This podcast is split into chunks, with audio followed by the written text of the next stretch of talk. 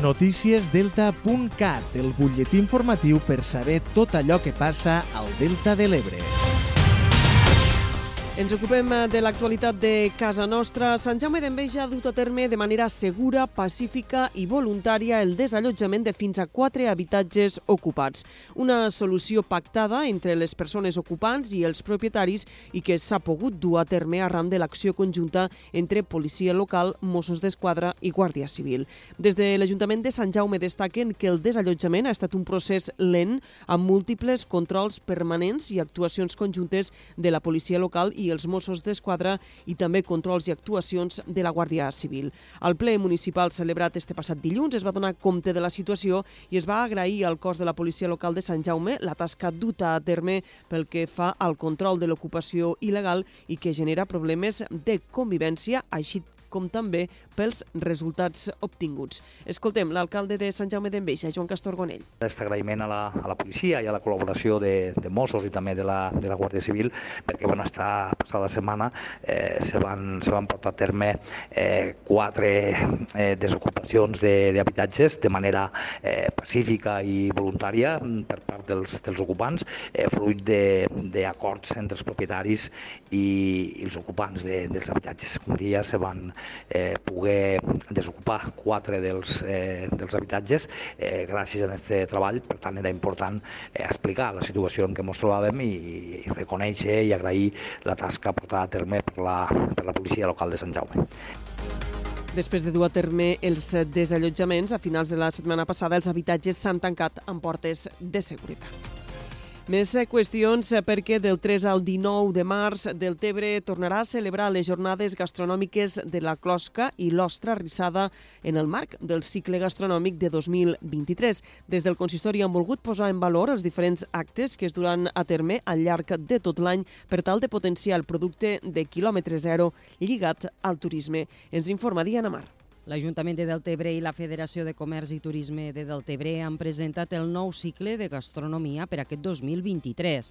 Un cicle gastronòmic ja arrelat al municipi que pretén posar en valor els productes més distintius del territori com són l'arròs, el musclo, l'ostra o l'ànec. Des del consistori han volgut agrair als diferents sectors que s'uneixen per dur a terme aquest cicle la gran implicació Escoltem a Lluís Soler, alcalde del Tebre. Del Tebre, si avui té una capacitat d'enfocament turístic clara i concisa i convençuda de cara al turisme de gastronomia, és gràcies a tota aquesta representació de gent que ens acompanya, eh, dels diferents sectors que ens acompanyen, dels diferents actors comercials i econòmics que ens acompanyen i del sector productiu, i que en això permet pues, que del Tebre s'hi pugui projectar. Les jornades gastronòmiques de la closca i l'ostra arrissada del Delta, que es duran a terme del 3 al 19 de març, donaran el tret de sortida a aquest cicle gastronòmic. En aquestes jornades hi participen fins a 10 restaurants de Deltebre i 4 peixeteries que ofereixen lots amb aquests productes. Els preus oscil·len entre els 3 euros i mig les degustacions i 45 euros els menús. Un ventall de productes de temporada que enforteix la possibilitat de fer una cuina variada i mostra la diversitat de productes que tenim al sector i, el i al nostre territori. I que pel que fa al sector primari, pues, el que volem és crear sinergies entre el sector primari i la gastronomia que tenim, que sabem que tenim un producte de qualitat, no? un producte de quilòmetre zero, un producte el qual tenim que explotar i per això hem d'anar agarrats de la mà i vaig del mateix paraigües, perquè entenem que fins ara pues, no se li havia donat la importància que realment se mereixia. A banda d'aquestes jornades, al llarg de l'any també es duran a terme les jornades de l'arròs, del musclo, de l'ànec i del peix de bassa. També la ruta d'etapes de Deltebre, Volta i Tapat, i al mes de maig, en el marc de Deltafira, celebrarà la mostra de gastronomia, turisme i paisatge de les Terres de l'Ebre.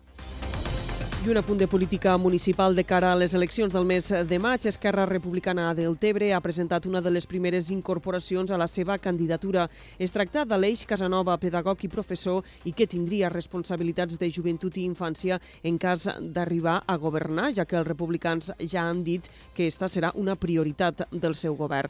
La seva banda, Aleix Casanova, ha agraït la confiança dipositada en ell i ha dit que està motivat a treballar per del Tebre i en especial per pels joves i infants. Aleix eh, és un jove del nostre poble en inquietuds, en ganes de canviar les coses, en ganes de contribuir als joves i als infants del nostre poble i efectivament és una persona pues, que aporta talent, aporta projecció, aporta també el nostre caràcter, la nostra manera de ser, moltes vegades espontània, moltes vegades xaladora, però que va de la mà de les accions de, de, de progrés, de les ganes de canviar les coses, d'implicar-se en tindre un poble millor. Jo vinc aquí a, com a candidat a Esquerra Republicana amb un objectiu molt clar, la infància i la joventut del Tebre. Ja fa uns anys que el Tebre està dormit i estem vivint, eh, estem al davant d'un col·lectiu que són els infants i jovens que no tenen gaire recursos i estan oblidats totalment. Bé, així acabem. Ja saben, com sempre, que poden continuar informats a través del portal deltacat.cat.